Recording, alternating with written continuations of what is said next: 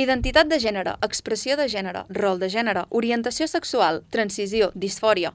Si no estem ben informats tots, uh, de totes aquestes paraules, no són més que això, paraules. Quin significat hi ha al darrere? Per què moltes persones ho entenen com a una única cosa? Sense referents, tots aquests termes són molt més difícils de diferenciar que les conjugacions verbals en català i això eh, és el que li passa a moltes i molt joves.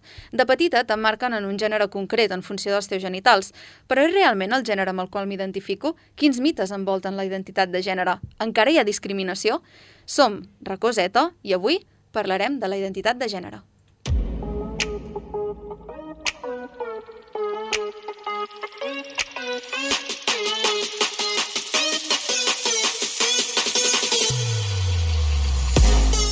Comencem a topíssim aquest nou programa aquí a Ràdio Manlleu, al 107 FM, en el qual parlarem sense pèls a la llengua de temes que preocupen els adolescents i joves actuals. Així doncs, som joves que parlem sobre temes de joves amb ulls de joves. Som la generació Z parlant a racó Z. Presentat el programa una miqueta, presentem el tremend equip que tenim aquí amb nosaltres. Redoble de tambors, avui sí, per l'Ignasi Redorta, que el tenim darrere de la màquina del programa aquí, conduint una miqueta. Eh, què tal, Ignasi? Va bien? No sé... si- Ui, no sé si pot parlar. Sembla que, Ah, sembla que ens hem equivocat. Bueno, de, després el tindrem aquí. Després el tindrem aquí sense cap problema. Presentem ara a la Laura Dueñas, Community Manager i estudiant de comunicació audiovisual amb moltes coses a dir i que no ens deixarà gens indiferents. Aviam, aviam, avui què tal? a veure què tal. Importantíssim el nostre productor, l'Eloi Rubio, que ens anirà apretant perquè no ens passem de temps. Exacte, avui amb un programa entretingut, eh? Avui serà un programa... Ja veureu, ja veureu. Avui és un programa per donar a conèixer moltes coses que, per desgràcia, la societat no coneix. I eh, hem de dir que avui la, el nostre estimat Enric Sitjà no està amb nosaltres, però en nostres corazoncitos sí.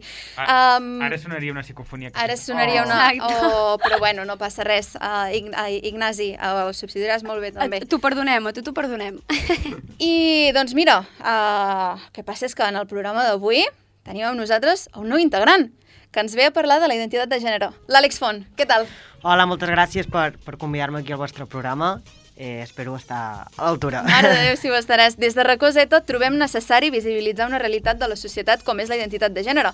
Però totes les persones que fem aquest programa som cisgènere, de manera que no ens podem atribuir un discurs que no és nostre. Per tant, tenim aquí a l'Àlex amb nosaltres i un altre cop moltíssimes gràcies per ser aquí i doncs per a veure, acompanyar-nos una miqueta en aquest viatge que farem durant aquesta hora uh, pels mons de la identitat de gènere i per visibilitzar-la. I ara el burro al final, jo sóc la Laia Junquera i intentaré no cagar-la conduint la màquina del programa. Comencem, doncs, Racoseta. Experts, convidats, curiositats i molt més cada setmana a Racó Zeta.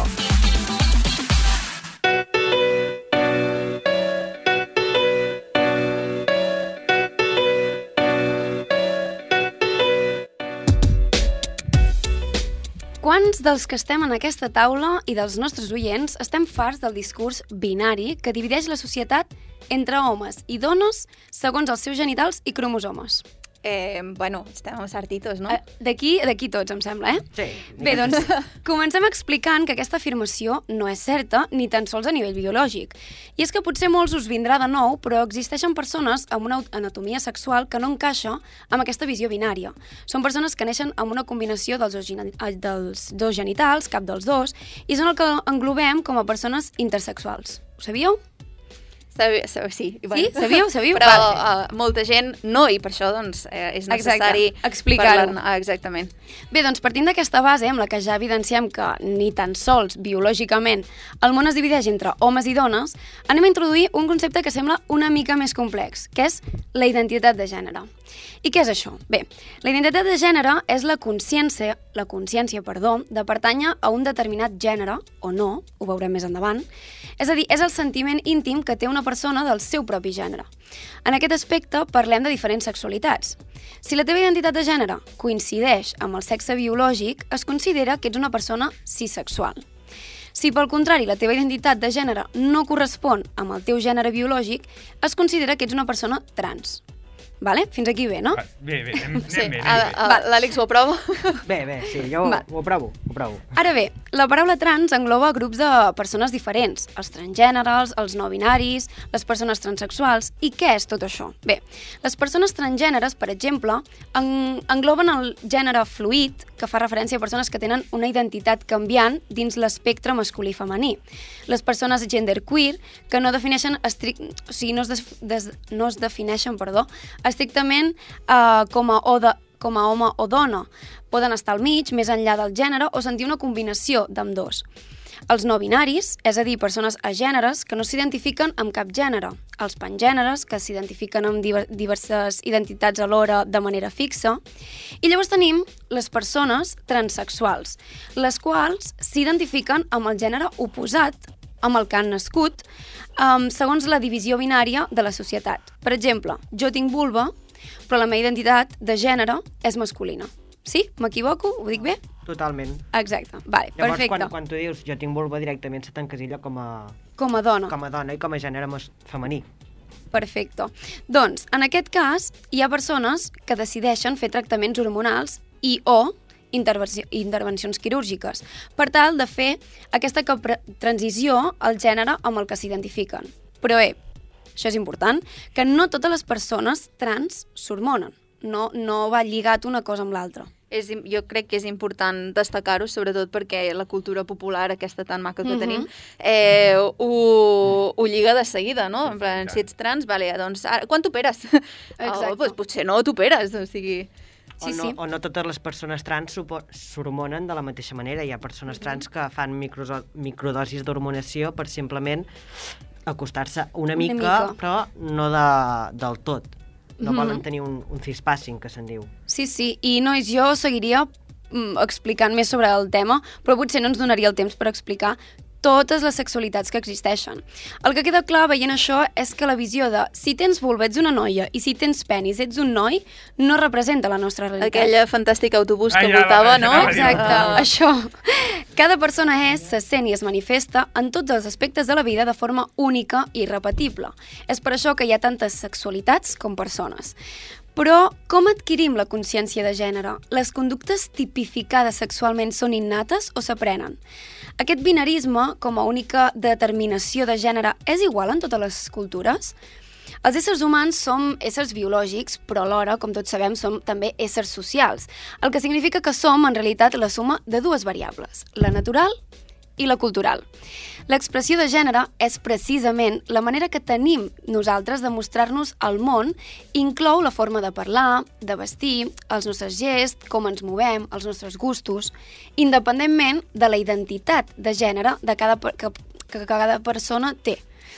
Llavors, en el procés d'adquirir aquesta consciència de gènere i l'expressió de gènere, els més petits van coneixent i fent seves pautes de conductes que la societat en la, en la qual viuen considera pròpies del gènere femení o del masculí, del masculí, perdó.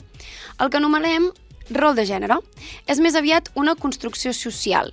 A tu et diuen això és per noies i això és per nois. Això, això ja es veu a l'època de Nadal, només cal mirar el, el, els catàlegs de joguines Exacte. i tu ja, ja, saps, el rosa és... Sempre femení, no? Sempre les per- noies, saps? sempre... I, I el blau, els jocs dels...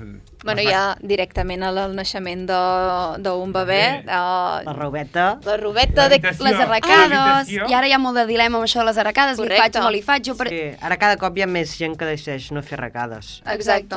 Sí, no, i clar, és uh, el que també hem comentat, no?, això de... Uh, atribuir el gènere al néixer en funció de, dels genitals de, de la criatura, no? I doncs, de quin color pintaré l'habitació? A veure, Exacte. rosa o blava? És a dir, una cosa és com tu et sents i l'altra com tu t'expresses. I en aquest procés intervenen el que anomenem aquests rols de gènere dels que ara hem, hem estat parlant. En aquest context, una persona pot identificar-se com una dona i que la seva expressió de gènere estigui lligada als rols masculins, allò que es considera típicament masculí.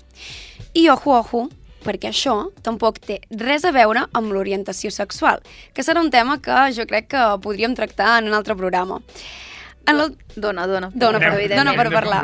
El que és necessari és diferenciar-lo, Exacte. perquè no és el mateix. No és el mateix. És a dir, quan, quan tu et refereixes a això, afegir que hi ha moltes persones trans que són homosexuals, per exemple. Exacte. Vull dir que hi ha gent que diu és que t'has fet trans pel fet de que ets un noi i t'agraden les noies i dius... No va té per aquí." a veure, jo em puc sentir un noi que m'agradin els, els nois perfectament.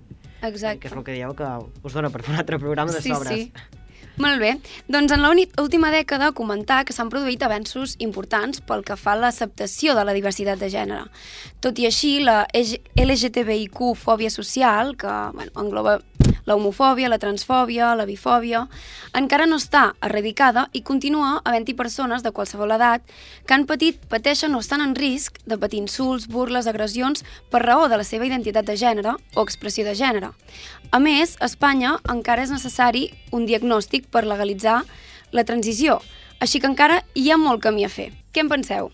Uh, bueno, jo penso que com a mestre, per exemple, podria dir que, que penso que s'ha de treballar molt des de, des de que els infants són petits, perquè tu no als infants si els hi dius això és blanc et diran que vale, si els dius que això és negre et diran que vale. Llavors jo penso que s'ha de... Hem de treballar molt els adults, no? però que sobretot hem de començar a treballar-nos els adults per poder-ho treballar amb els infants, Mhm. perquè ja creixin d'una manera en què tot ho vegin normal i natural. Exacte, perquè tendim molt a pensar, jo sóc la primera que ho faig, de dir, no, és que els joves són, són el futur i s'ha d'educar, s'ha d'educar, però quan tu no tens bons referents adults, com eduques a, a la població jove, no? A créixer amb, amb determinats valors? Sí, i bàsicament, um, sí, com bé dius, Àlex, si ja de, de petits doncs, inculques uh, certs valors, no passarà com a la majoria de nosaltres Exacte. que arribem a la universitat i de cop sents aquests conceptes i dius, ah.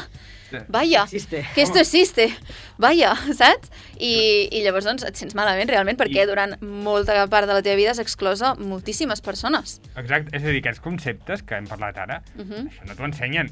No. Això, això no... I és el, és el que es diu una mica, no?, de que al final no hi haurà igualtat si, si no s'entenen i no parlem amb, amb propietat de- d'aquests conceptes. I de fet, si us relacioneu amb el programa de la setmana passada de les xerrades, eh, vam comentar que ara, doncs, eh, gràcies a una miqueta doncs, l'evolució de la societat i eh, una miqueta que la gent ha obert la seva ment, eh, dins de les xerrades que abans eren eh, típicament d'alcohol i drogues, eh, ara també hi ha xerrades d'identitat de gènere i doncs, és una bona... No És sé com, com ho veus tu, Àlex, que és un bon punt per... Sí, jo penso que bueno, eh, una miqueta també el que dèiem, no?, de, de que dels joves i tot això que no ens sentíem a parlar, també es tendeix molt a dir que, el, que els joves o que els infants que no entenen aquestes coses, en canvi jo penso que, que són els que més ho entenen, no? Per tant, jo trobo que sigui necessari que, que es facin xerrades d'aquest tipus, però per persones de, de qualsevol edat. O sigui, ho remarco Mhm. molt això perquè penso que és important que a vegades quan es parla de xerrades es tendeix a pensar directament doncs, doncs directament començar a fer xerrades d'aquestes amb adolescents Uh -huh. en canvi, surten coses més interessants quan en parla, com més vas baixant l'edat, més, més coses interessants treus i n'acabes aprenent més tu d'ells que ells de tu a vegades. Uh -huh. Super, Molt bé. super interessant. Doncs abans de, de seguir amb la matèria, anem a parlar amb l'Eloi i l'Ignasi. Eh, yo también escucho eh, Racoseta.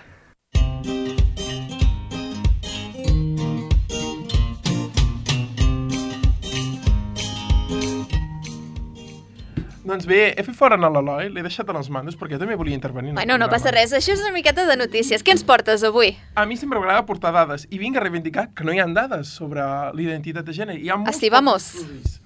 I us he portat notícies. Ens serveix. Va, ens una de, serveix. fres Vinga. una de Sí. fresqueta. Una fresqueta, Vinga. Doncs el, el PSOE s'abstén en la tramitació de la llei trans en el Congrés. Una abstenció que, malauradament, ells es defineixen com un govern progressista, doncs tenim que aquesta llei trans ha quedat bloquejada. I no s'ha aprovat degut a la seva abstenció, Exacte. entenc. Uh, davant... Digues, perdona, digues. No. No, eh, la, el projecte de la ministra d'Igualtat d'Irene Montero, d'Unides Podemos, la van traslladar al Parlament i diguéssim que el, el Partit Popular, Vox i Ciutadans van votar en contra, això no era una No, novetat. sí, no et No. surpriset, com diu la Laia. Not surprised.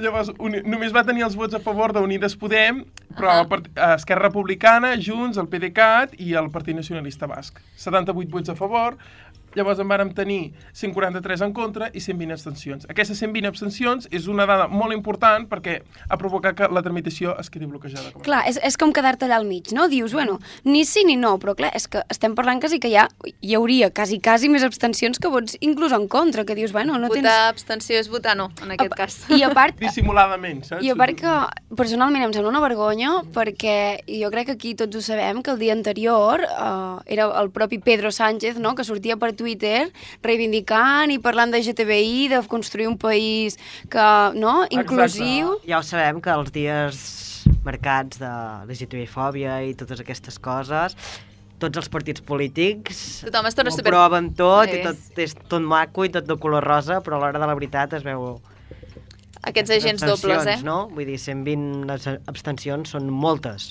A mi em sembla una vergonya. Una vergonya que això ens hagi, ens representi, no? Que siguin dades que representin la societat. Jo confio que això d'aquí un temps canviï, perquè si no anem molt malament. Malauradament estem representades així actualment i doncs aquí es veu, és un clar exemple dels agents dobles que tenim com a polítics, eh? Uh, però bé, uh, més enllà d'això, què més tenim, Ignasi? Tenim notícies esportives. Us porto dues notícies esportives. La primera és que Laura Huber serà la primera esportista trans a la història en participar en els Jocs Olímpics, els propers Jocs Olímpics de, De Tòquio, Tòquio. que van ser plaçats. Bueno, pues, segons la, el Comitè Olímpic de Nova Zelanda, la Federació Internacional, han revisat uh, per al tema de Covid i sí, sí, la Laura Huber ha passat tots els testos i tot per fer uh, aixecament de pesos i poder participar en els Jocs Olímpics de Tòquio d'aquest 2020, 2020, que va ser aplaçat, recordem, per Sí. la pandèmia. Doncs un petit Pu- pas. Sí, podríem dir que inclús, encara que no s'hagin celebrat, una, una victòria, no? Sí. Què més, Ignasi? No tinc por a les grades, sóc fort enfront d'això. La primera àrbitra trans del futbol masculí és el seu missatge que ha donat. I Saper Werner arbitrarà en la Lliga Israeliana després de dur una operació de canvi de sexe. Soc Saper, tinc 26 anys, sempre em vaig veure com una dona i des de jove no vaig voler saber com posar-li nom. Es va presentar així a la roda de premsa col·legiada una vegada dut a terme la seva operació del canvi de sexe, amb la qual va deixar de ser Saji Werner, ha anunciat al món la seva operació de canvi de sexe. Doncs, bàsicament, aquí ha posat uh, les cartes sobre la taula i ha dit, jo sóc uh, així, i a qui no li agradi, que se'n vagi i mira el partit de casa. I ojo, ojo, no ho ha fet, eh? Perquè estem parlant de pa- països que potser no, no ho tenen tan acceptat. Exacte. I és un... Ah, Uf, I- Israel, eh? La Lliga israeliana. Israel- sí, Aquí sí. també hem de parlar una mica del context, no? que evidentment no és igual uh, doncs, um, la identitat de, o sigui, tractar la identitat de gènere aquí com en un altre país, que aquí ja és complicat, Sí. eh, i, de, i també depèn molt del teu context familiar, entenc. Totalment d'acord, llavors... Bueno, és que estic d'acord amb el que heu dit, no? No és el mateix aquí que en un país... Que aquí ja és complicat, doncs sí, imagineu-vos en un país tercermundista, no? I és molt més complicat, ja no només a, a nivell social, sinó també econòmic i tot això també és molt complicat.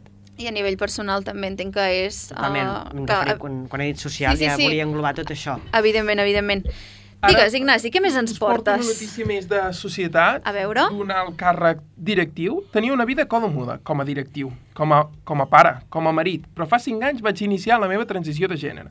Vaig decidir de passar de ser un home blanc heterosexual en el punt més alt d'una imaginària piràmide de poder social, ja que era un alt directiu, a convertir-me en un membre d'un col·lectiu tradicionalment marginat i objecte de burla, dins de, també del col·lectiu LGTB, Uh, el dia que vaig tenir el document per al meu canvi de nom oficial, vaig estar dos dies plorant, d'una banda, de l'emoció de que em va sobtar poder realitzar aquest canvi.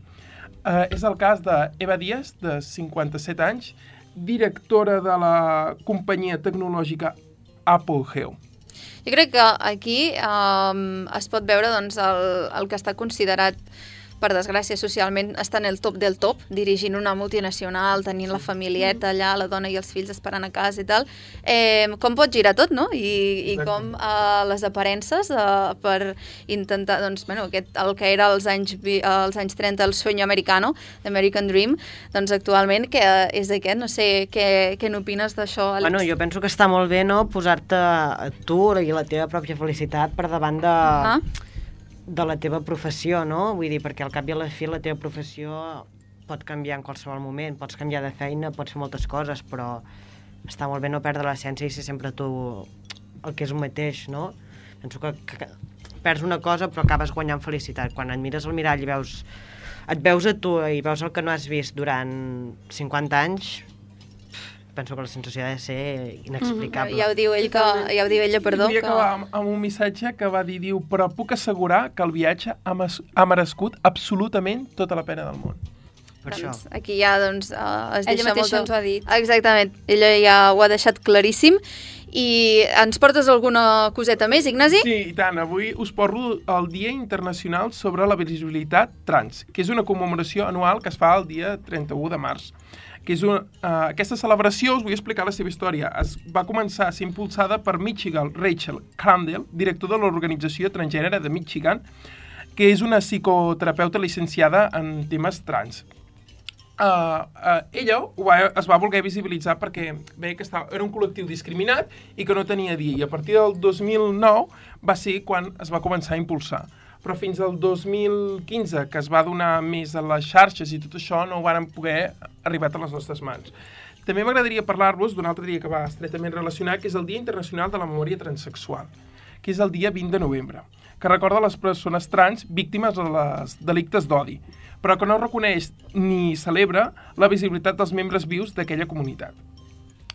I a partir de, bueno, això que he comentat, que a partir del 2015 tampoc no es va donar visibilitat en les xarxes i personalment jo no me'n vaig entrar fins que no vaig començar a veure ressò a les xarxes socials. No sé si vosaltres en teníeu constància d'aquestes dates. Doncs no, la veritat, i doncs aquí també dono uh, un altre pas de la importància de, de visibilitzar i doncs aquí també relacionat amb que les xarxes socials són unes grans potenciadores de uh, visibilitzar tant esdeveniments com uh, uh, temes i com són uh, la identitat de gènere i doncs també uh, moltes persones que diuen mira, doncs jo explicaré la meva història per posar com a referent a les xarxes per a altres persones, no?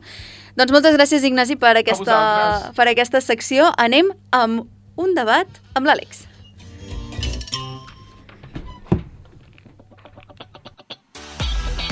Experts, convidats, curiositats i molt més cada setmana a Racó Zeta.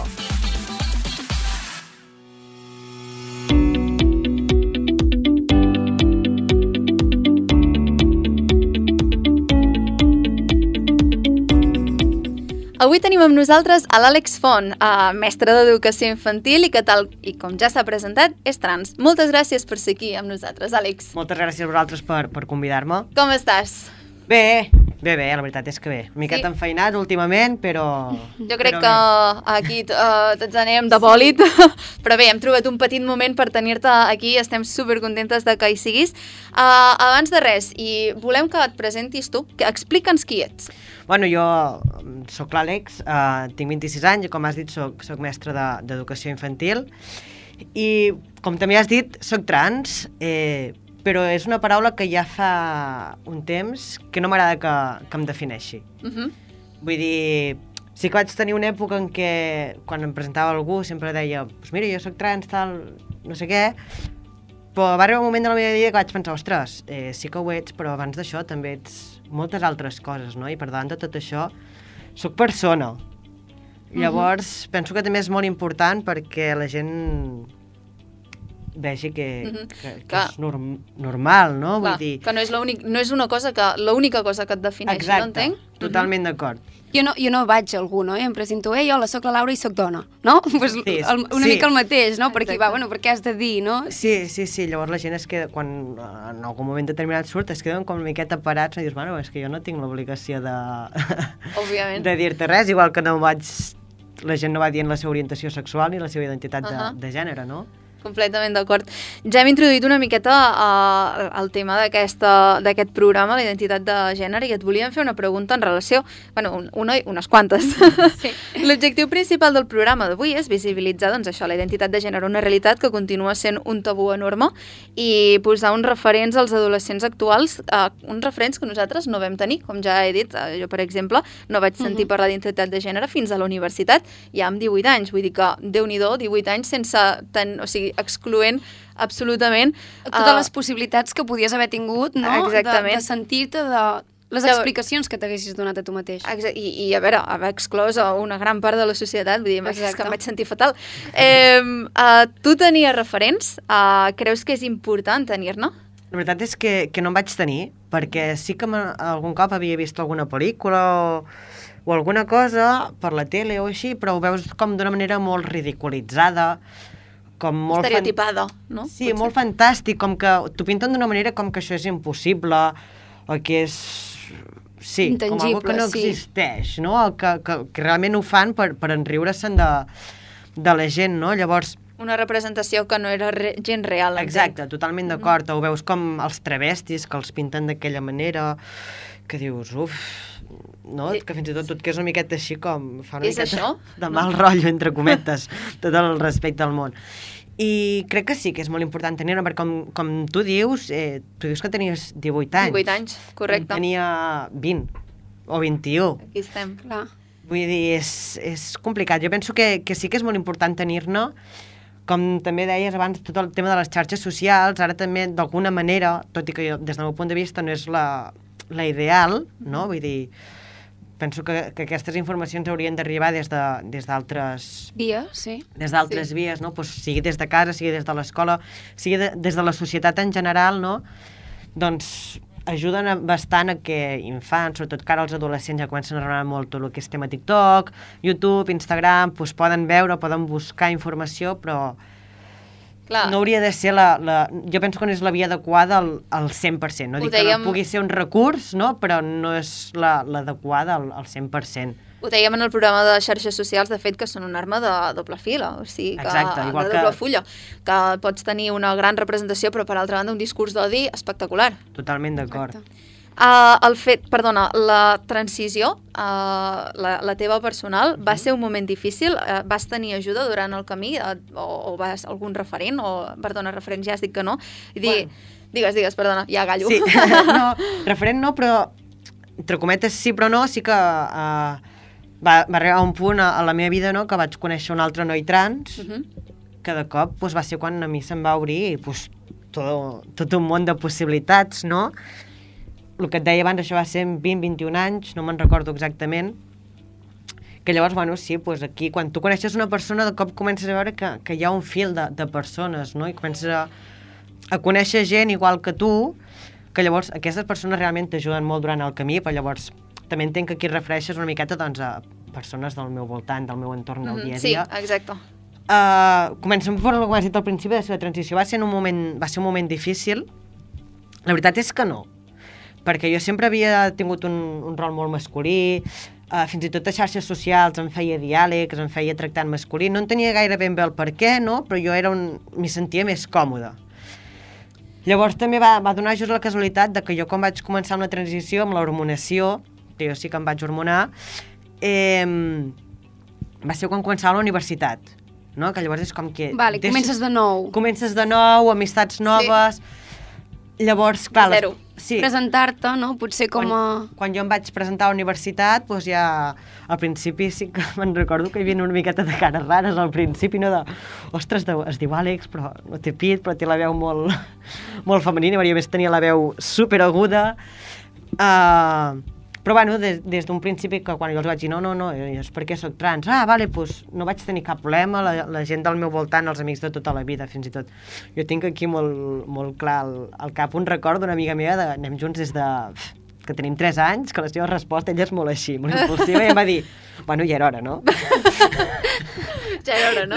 Ja era hora, Em va no? fer molta gràcia. Sí, sí, el, el, és que el tinc aquí, jo és que més me'n recordo que estàvem en un restaurant sopant i tenia al costat i em va dir, bueno, ja era hora, no? I em vaig quedar així com una i dic, bueno, Bueno, de fet, de fet sí, no? Però no, no recordo com, com un moment difícil. Sí que el que recordo difícil no és miqueta els tràmits que et fan passar, que a vegades vas al metge i ell, ni ells mateixos s'aclaren de, del sembla que et procés. compliquen la cosa. Perquè la, el problema està en que la majoria no saben ni ells mateixos quins, procés, quins passos has de seguir, on t'han d'enviar, comencen a derivar llocs que tu dius espera't, parem, mirem-nos-ho bé, o sigui, realment haig de fer tot això? Que per culpa del ells no saber Del com... desconeixement. Com, exacte, del desconeixement, llavors a tu et marejava en el triple. Exacte, Entenc. però bueno, és, és l'únic difícil que, Et formulava aquesta pregunta més que res perquè uh, socialment, uh, el, per al que doncs, es, es va sentint al carrer i tot, eh, s'entén que com si la transició hagués de ser, eh, bueno, Mordor, saps? Una cosa ho- horrible, com una cosa difícil, una cosa...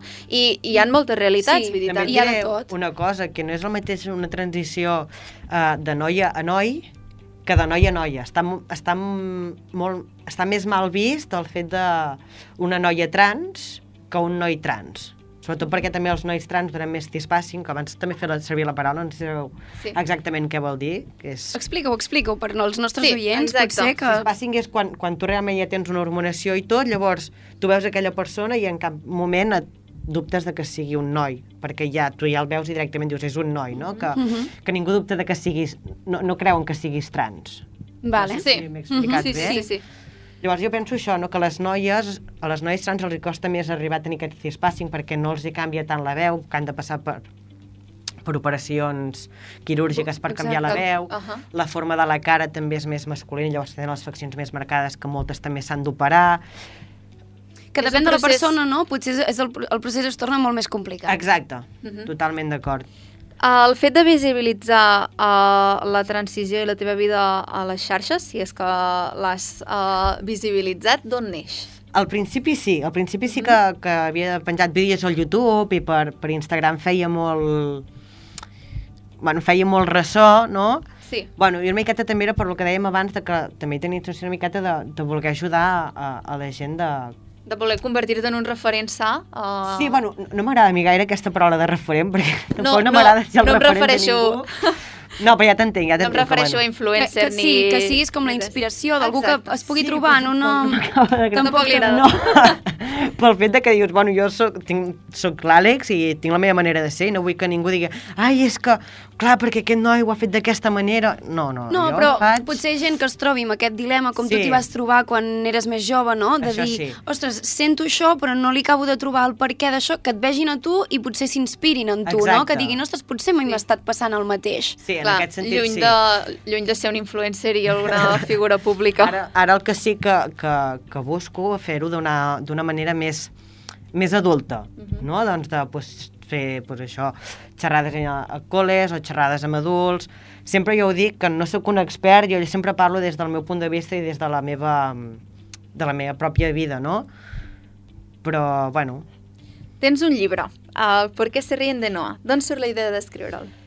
La, la idea d'aquest conte, bueno, fa molt temps sí que se'm va passar la, la idea de- d'escriure un conte, no? Pel fet de que jo, el que dèiem abans, no, no vaig descobrir el meu conte de, que parlés de diversitat sexual, en general, no? Trans, eh, rols de gènere, homosexualitat, no el vaig descobrir fins que tenia 21 anys, a la universitat, que també dius, ostres, mm, són molts anys que jo no he tingut un, no, no he vist a parlar mai un conte sobre això, no? Se'm va passar pel cap, llavors la idea va quedar una miqueta així a l'aire, i el... L'any passat, quan vaig fer el TFG, vaig decidir fer-lo sobre la diversitat sexual en la literatura infantil, no? Hosti, gran tema. Sí. Llavors et poses a rebuscar informació i tot això i de cop dius, hòstia, he tret un llistat de 200 contes infantils que parlin sobre aquesta temàtica. Parla, vaig fer enquestes a pares i això i la gran majoria diuen que no els coneixen, no? Mm, Que Els contes tradicionals deuen ser els que prevalen. Uh, Sí, no? Vas a una llibreria i Sí. trobes 50 contes d'animals, però que parlin sobre aquests temes no n'hi Sí. ha. No n'hi ha, o els que estan, estan no, per allà... A llibreries costa molt de trobar-los, Mhm. o sigui, a vegades d'anar a llibreries especialitzades o busca, si els busques per internet, sí, Sí. però ara, per exemple, te vas a la llibreria d'aquí de Manlleu possiblement no en tindran No, cap, ja. i n'hi ha molts, no?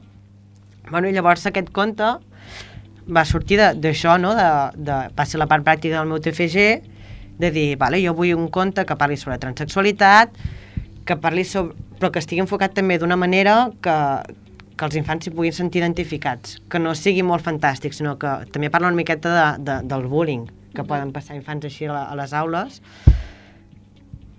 No, no, no desvaleré molt perquè també m'interessa que si algú vol llegir el voleu, pot, el- es pot comprar. Ah, Doncs relacionat amb això, t'anava a preguntar com és la infància creixent en un gènere que no és el teu. Bueno, jo tinc la sort de que vaig tenir una infància bastant, bastant feliç. El que dic és que sempre, el que deia abans, sempre he anat amb un rol molt masculí, amb el cabell així curtet. Mm, llavors, que en el meu cas, sí que quan va començar a arribar l'adolescència i et comences a plantejar un futur, no dius, és que jo no em veig com una noia, però no saps ben bé el que et passa. Llavors, la meva infància sí que la veritat és que va ser bastant bastant feliç, no? Vull dir, sí que no em sentia... Jo em, em sentia... O sigui, ja em veia com un noi, però no sabia com expressar-ho. Llavors... No acabaves de trobar la manera. No, però bueno, no, no dic que ho passés malament, vull dir, tot el contrari, jo era feliç, el, els meus amics sempre m'ho diuen, i és que des de petit que ja et veia com, com un nen, llavors... Hem parlat de discriminació, de doncs, eh, totes aquestes preguntes eh, que engloben una miqueta el, la transició des del desconeixement. Es parla dels micromasclismes, no? De, però també existeix la transfòbia i no en són només els titulars de les notícies, que per desgràcia en són molts. Frases com, ah, ets trans? Doncs no se't nota. Són clars exemples, entenc. Uh, les sents, aquestes petites discriminacions o grans discriminacions? Ara, ara potser no tant, Uh -huh. No? Quan, al principi sí que, la, que quan estàs en aquell punt intermig que t'estàs començant a hormonar i que et miren i sembla, és que una miqueta així, sí que, que a vegades, bueno, et fan preguntes rares, uh, també et diuen a vegades, ai, com et deies abans? Bueno, jo t'estic dient que ara em dic Àlex. No, Què importa, no? No, no em diré, no, no, si em... Sí, veritat, hi ha, hi ha, sembla que hi ha com molt de morbo i jo potser a vegades m'incloeixo, no? De, de dir, ai, aviam com era abans, o aviam com es deia abans, no? I això és alguna cosa que jo crec que, que sí que és veritat que estaria bé eliminar-ho, no? Si és Clar, una persona jo- trans, per algú és, no? És Dic, una si m'he canviat de nom és, és, És per per alguna cosa. Exacte. Vull dir No, que més tona, com em deia abans, o com Perquè, era abans. De fet, si em crides pel nom com deia abans, possiblement... No et giraràs. em giro, ara ja. Vull dir, uh, discriminacions d'aquest tipus se- se'n passen i jo crec que seguiran passant durant molt temps, però Mm. també molt pel tema de desinformació que dèiem abans, que molta gent no té informació. Què li diries a l'Àlex de fa 10 anys? Que, que no es preocupi, que, que arribarà el seu moment, que, que tot estarà bé i que, que serà feliç sent qui és. I què li diries a totes les persones que estan intentant trobar la seva identitat actualment i, o que estan en, fent la transició? pues més o menys els diria el mateix, Mhm. que, que amb calma, que, que s'intentin, perquè a vegades hi ha molta frustració, que, que no es frustrin, que, que amb Pasito a. Sí, que tot arriba, que, que, no, que no cal agobiar-se. Perfecte. També una mica que, que tothom intenti, ara que estem en aquest procés de- d'obrir tant la ment i, de, i de, de ser conscients de que hi ha tanta diversitat de gènere, que tothom trobi la seva manera, no? Que, que no hi ha cap manera correcta, que no hi ha una forma exacta de no, és que tu has de ser així, o si ets transgènere has de fer això, no? Que hi ha mil possibilitats Exacte, i que... que no, que no s'encasillin tampoc, Mhm. que, que siguin com ells senten igualment. I suposo que les persones de l'entorn, de, de persones que, que estiguin buscant la seva identitat de, de gènere, doncs la clau seria empatitzar. Amb... Sí. És complicat encara, jo sé de... Mhm. Hi ha gent que, que la gent del seu voltant l'ha deixat de banda, fins i tot estem parlant de, de família de primer grau, Sí. pares, germans. Sap molt greu, però a vegades la família també és la, la que nosaltres escollim. I si no et volen tal i com ets, potser és que no et volien tampoc abans. Clar. una miqueta dur, no? Però Mm. ja trobaràs la teva pròpia família. Sí, sí, no, també està bé enviar aquest missatge, no?, de, de, de que no, no només és important la persona que ho viu, sinó també les persones del voltant que acompanyen Exacte. en tot aquest procés. Doncs inter interessantíssim aquesta, aquest debat, uh, però tenim més recoseta per vosaltres. uh, moltes gràcies, Àlex. Segueixes amb nosaltres, no te'n vagis pas. I seguim, doncs, uh, parlant una miqueta d'aquesta representació en el món audiovisual. Thank you.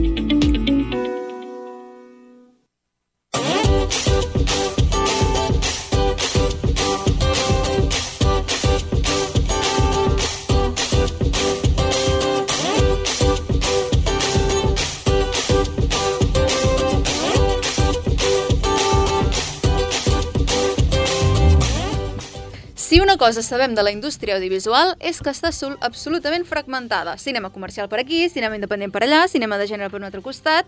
Uh, per tant, depèn molt de qui faci la pel·lícula, és a dir, qui estigui al darrere de la pantalla, eh, darrere les càmeres, i quin tipus de cinema o ficció seriada es tracti. No és el mateix una sèrie comercial, objectiu principal de la qual és el fucking moniment, que una sèrie independent de crítica social. Ara bé, existeix o pot existir una realitat paral·lela eh, on la crítica social i vi o visibilitat d'un col·lectiu aparegui en cinema comercial? Lamento dir-vos que de moment no, perquè, doncs, per- perquè la societat no està preparada per aquest tipus de discursos a, a gran escala, o sigui, blockbusters, uh, com Marvel, tra tra Transformers, totes aquestes, eh, dubto molt que hi hagi algun tipus de representació.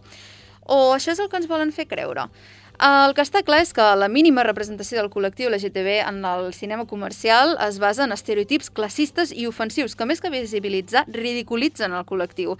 Qui no té present el famós personatge secundari gay, super ultra mega amic del grup de noies de l'Insti, o la noia lesbiana protagonista que només li passen problemàtiques relacionades amb la discriminació del col·lectiu, com si les persones LGTB no tinguessin altres problemes a la seva vida. Exacte. Queda clar, doncs, que encara queda un llarg camí, eh, per no parlar de que no hi sol haver masses persones LGTB que interpreten papers que no siguin del col·lectiu o que dirigeixin pel·lícules que no tinguin el col·lectiu o alguna trama relacionada, doncs això, en la trama principal. De fet, ja és prou ofensiu que LGTB sigui una temàtica, entre moltes cometes, a Netflix i altres plataformes. És veritat. Uh, igual d'ofensiu que és que fotin amb un calçador un personatge del col·lectiu en una pel·li o una sèrie perquè l'audiència no es queixi, entre cometes, En parlarem d'això. en parlarem, o perquè utilitzin el famós queerbaiting per atreure persones del col·lectiu com a espectadores. Coneixeu el terme queerbaiting? Explica'l, sempre Sí, està bé no, no, no, explicar-ho. no. És no. bàsicament en una sèrie pel·lícula, en una trama, bàsicament, uh, fotre algun, el, petites pinzellades, plans que se'n diuen a nivell tècnic, uh, d'alguna relació uh, sexoafectiva uh, entre dos personatges de, del col·lectiu, però que després no passi res i prevalgui una relació heterosexual. Llavors, d'aquesta manera, atreus a persones del col·lectiu, però luego no passa nada, eh, cosa que és que és horrible. Uh, ara bé, existeix un punt de llum, i és que en el cinema independent, aquell, sí, aquell petit cinema que tant ens pot obrir la ment, uh, sí que relaten autèntiques històries que parlen d'una manera natural, realista i verídica sobre les persones del col·lectiu, o que directament en són les directores, productores o intèrprets de les produccions. En aquesta secció parlarem de bones i males representacions de les persones trans en el cinema. Ens hem focalitzat en, en persones trans perquè avui el, programa, el programa és sobre identitat de gènere. Doncs això, en parlarem d'aquestes bones i males representacions. A veure si obrim el cajón de mierda.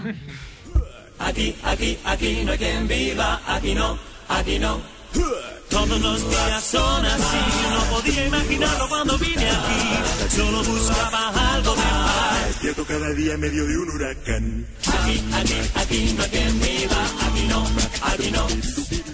Ja coneixeu aquesta sintonia, suposo? És Sí, sí, famoseta, és i a mi famoseta. m'encanta. És a dir, és una de les grans sèries de, de principis de, dels anys 2000, de l'any 2003, que va començar. Però bé, eh, avui ens centrem en el que estàvem parlant abans de, de les persones trans i ens centrarem en l'any 2005, el govern espanyol, que abans en parlàvem també, que també hi havia el PSOE, eh, va aprovar la llei d'identitat de gènere i el 2006, que encara hi havia Quino Quim Viva, van incorporar una persona transexual a, a la sèrie. Bé, fins aquí bé. Però, A, a veure, que, que, Però- no, me, no me huele bien, eh? però, o sigui, van, van incorporar aquest personatge, però no ho van acabar de fer del tot bé. Per què? Perquè aquest personatge, que es deia Raquel Heredia, eh, diguem que el van, eh, el van incorporar per ridiculitzar-lo, Ah, bàsicament. que bé. Ell era un estereotip, no? Uh, la, la gent se'n reia d'ell, i li demanava aquestes preguntes incòmodes de tu pixes dret, uh, Mare meva. eh, també...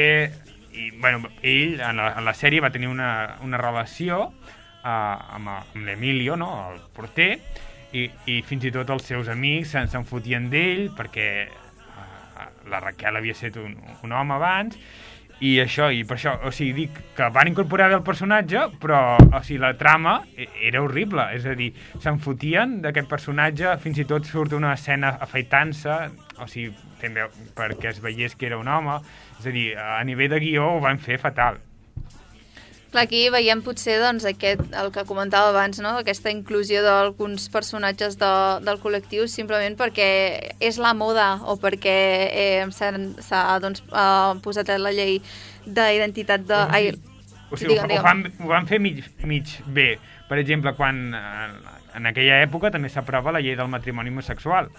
Uh, que a la sèrie també es veu re- repercutida quan es casen en Fernando i en Mauri. Com, com ho veus, això, Àlex, aquesta representació?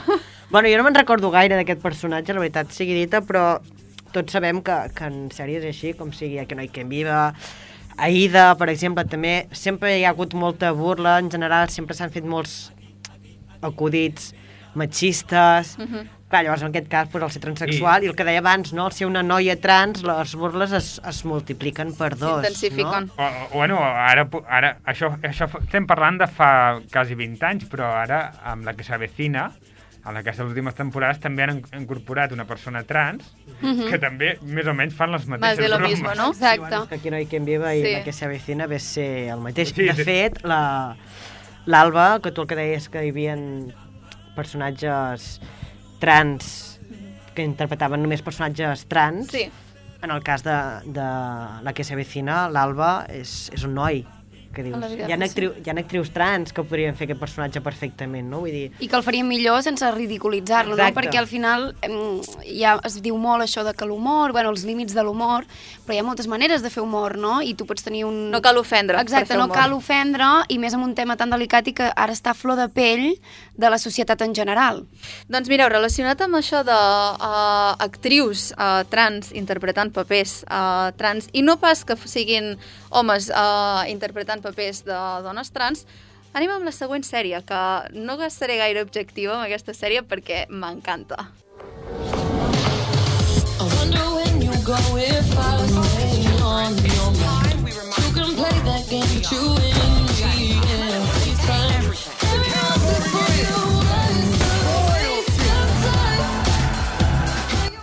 Ara us vull parlar d'una sèrie que m'encanta. Es tracta de Pose, una sèrie nord-americana estrenada l'any 2018 i creada per Ryan Murphy, Brad Falchuk i Steven Canals, que és molt poc coneguda i no entenc com, la veritat, no entenc com. Uh, la sèrie tracta sobre l'escena cultural afroamericana i llatina, LGTB, i la cultura dels balls, o ballrooms, al districte del Bronx, a Nova York, als anys 80. La trama centra en les dones transracialitzades que lluiten per fer-se un camí i lluitar per seus somnis entre tota la discriminació que viuen dia a dia. I si anem als anys 80, doncs multipliquem-ne per 50. eh, lluny de ser un plany per dir ai, pobretes, o aquestes uh, sèries i pel·lícules que el que volen és doncs, uh, fer un melodrama, uh, la sèrie empodera a qualsevol qui la mira i dius, mare de Déu, aquestes dones Buah, increïble. Uh, és una representació més que realista d'una realitat dels anys 80, que per desgràcia continua sent una realitat d'avui en dia. A més, cal destacar que les protagonistes visibilitzen tota la cultura underground dels bols, que és molt més que compartir trofeus i reconeixement. Amb els balls uh, s'ajuden mútuament i creen una comunitat mitjançant una xarxa de famílies anomenades houses o cases, depèn de l'idioma que t'hagis mirat la sèrie. Uh, bàsicament, la cultura del ballroom neix als anys 20 i uh, a través de les cases, de, que, doncs, un, mm -hmm. com si fossin un grup, unes famílies, la família que s'escolleix, que uh, en, parlàvem, en parlàvem abans, doncs uh, l'objectiu és preparar-te un, com una, un desfile, un ball, un ball, un ball, es diuen així, uh, per fer-lo finals de setmana. Hi ha una temàtica i depèn de, de com ho facis, doncs es donen uns trofeus a uns altres. L'objectiu és que com més uh, trofeus tinguis, la teva casa doncs, acabarà guanyant al final de, uh -huh. de temporada. Eh, evidentment, uh, tot aquest, uh, tot aquest uh, balls i tot això és, és molt més que un ball, és doncs, crear la, la comunitat i sentir-se recolzades en un món on no les vol.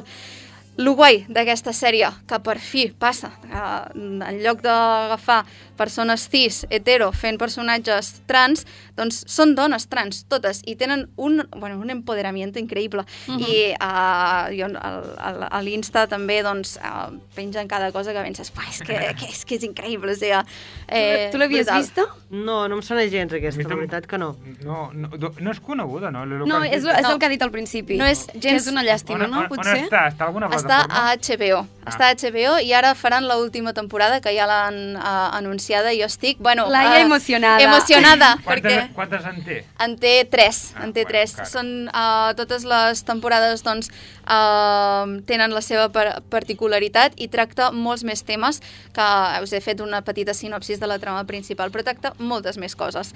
Millor la mireu. Mi mireu-la, mireu-la, mireu-la, perquè, bueno... Uh, Val la pena. Flipareu. aquesta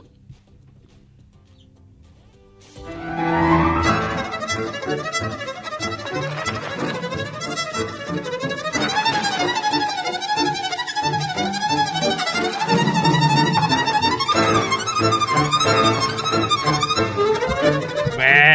us sona. Aquesta també famoseta, famoseta.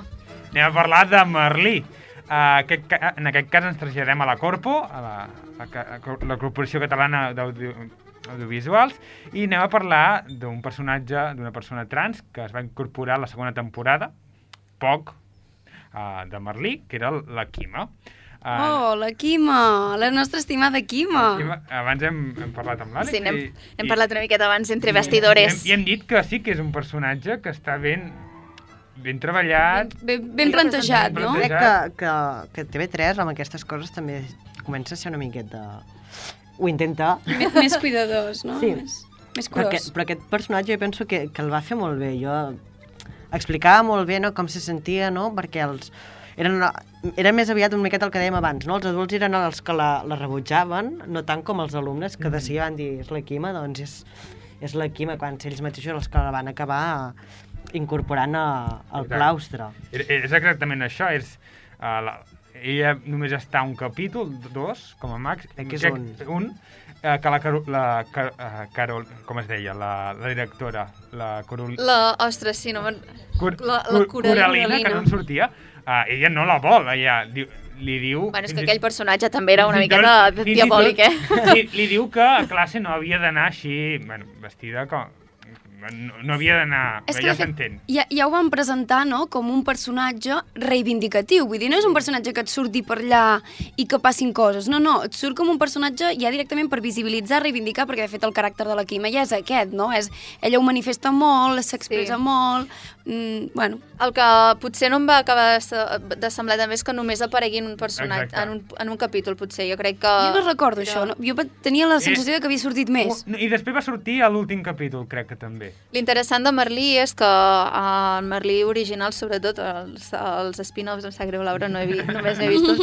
Eh, doncs en, el, en, el, en la sèrie original, uh, el guai és veure doncs, aquests dos mons, no? el món adult i el món uh, adolescent, i doncs la, els conflictes que tenen amb dos i que pràctica, o sigui, hi ha molts casos que coincideixen. I en aquest cas, com bé has uh, referenciat, Àlex, doncs es veu no? que els joves, el món jove, de seguida diu, ok, perfecte, saps? I el món adult és el que potser no tant. Totalment d'acord. I, jo volia fer una reflexió, no, no sé si haguéssiu també trobat a faltar que hi hagués hagut un personatge des de la primera temporada que hagués passat aquest procés de transició que també s'hagués visualitzat a la sèrie, que no només una, que vingués una, una persona T'he un de, dir, dia. t'he de dir que uh, potser en guió hi era, però Ah, llavors, depèn, llavors depèn de les productores, eh, que no sé si és el cas de Merlí, eh, vull dir, però també eh, cal dir que depèn de molt de les productores i de qui posi els pempins darrere que dirà esto sí i esto no. Perquè- Bueno, en Merlí també no, no era trans, però també n'hi ha amb l'Iñaki, ara no me'n recordo el nom del personatge, es recorda Ah, el nom sí, de l'au- sí, sí, de el uh, Oriol no, uh, com es deia? Sí, però sé, sé, quin, Sí, sé que qui vols també el dir. tractava una miqueta aquest tema al principi que hi havia moltes burles Mm. pels propis companys i després... Sí, això, tracta el tema gay amb, amb en Bruno. I, i amb De veritat, el Bruno també... Sí, el paper- exacte. No la bisexualitat, Sí, sí, home. sí. Pobre. Però aquest tema, bueno, el va tractar poc, però bueno, amb la Quima, com hem dit, està ben representat. Eloi, digue'ns quin altre portes, que aquesta crec que... Aquesta- Aquest donarà suquet. aquesta- Donarà suquet. Abans, uh, sintonia, sisplau.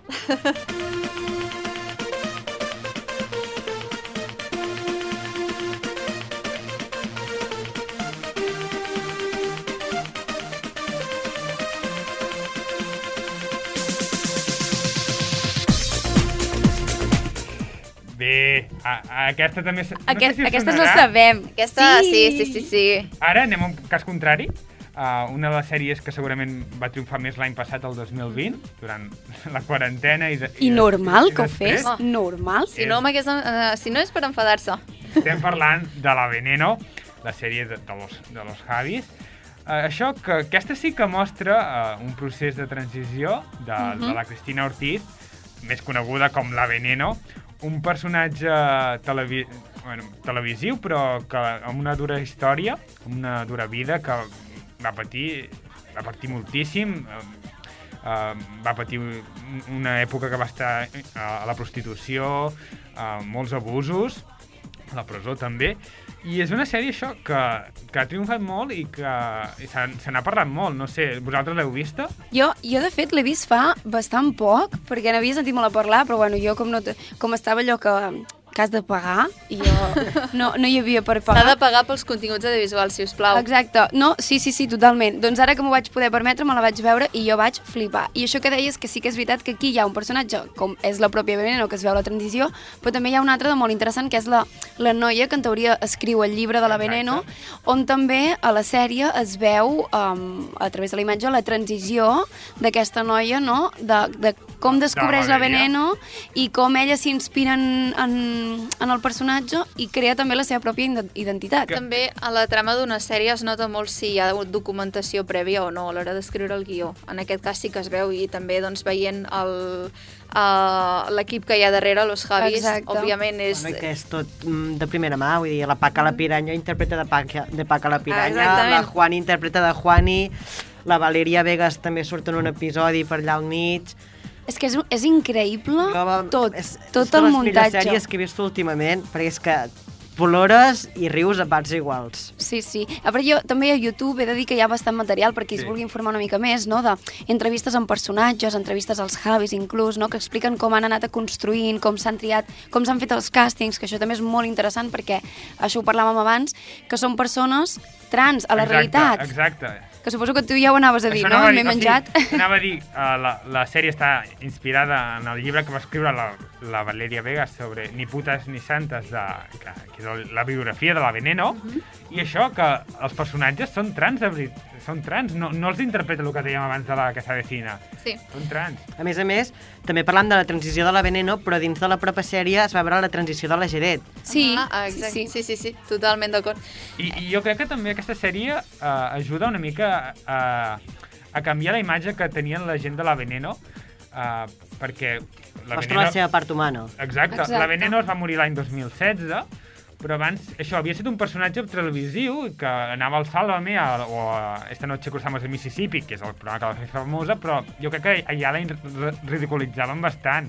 És a dir, La cultura del desconeixement, Eloi, Exacte. a la que mostres... Uh, tothom té una història per explicar, tothom.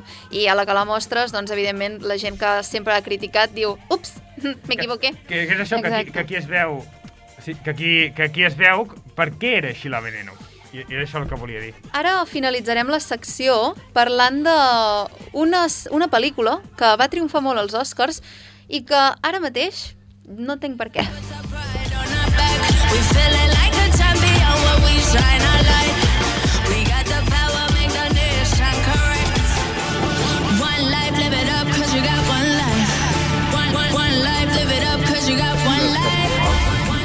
Pel·lícula aclamadíssima per la crítica i els premis de l'Acadèmia, més coneguts com a Oscars, de les Buyers Club. Es va endur l'estatueta millor actor per un personatge cis, uh, per un personatge uh, cis hetero amb sida interpretat per un home cis hetero.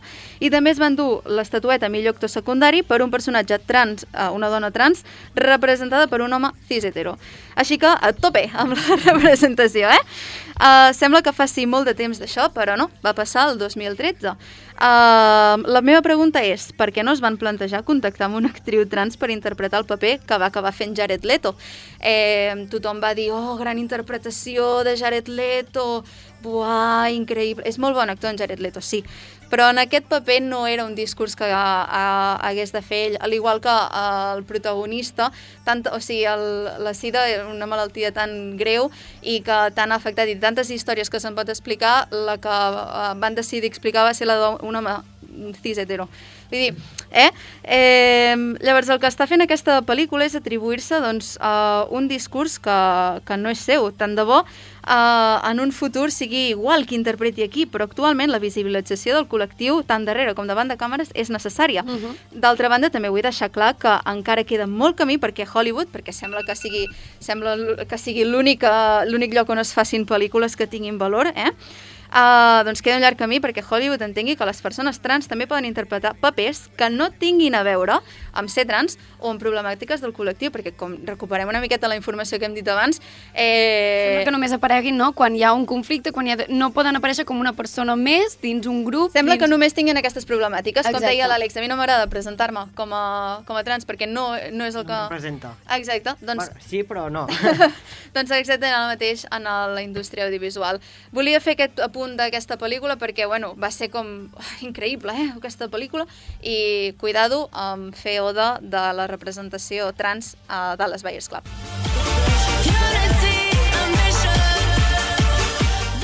Jo també escolto Racó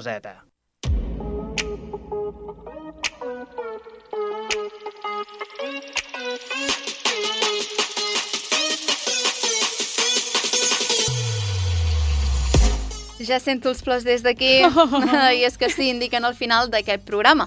Us deixem amb una cançoneta i ens acomiadem del programa d'avui, dedicat a la identitat de gènere. Si ens agafeu ara, no patiu, no us preocupeu, perquè ens podeu escoltar a la web de Ràdio Manlleu, a l'Spotify i a iTunes, en un magnífic podcast que tenim preparats per vosaltres. Recordar-vos també que ens podeu seguir a les xarxes, Instagram i TikTok, arroba racó, barra baixa zeta, barra baixa 107. I ara sí que sí, ens veiem la setmana que ve, el dimecres, a les 8 del vespre, aquí, a Racó Zeta.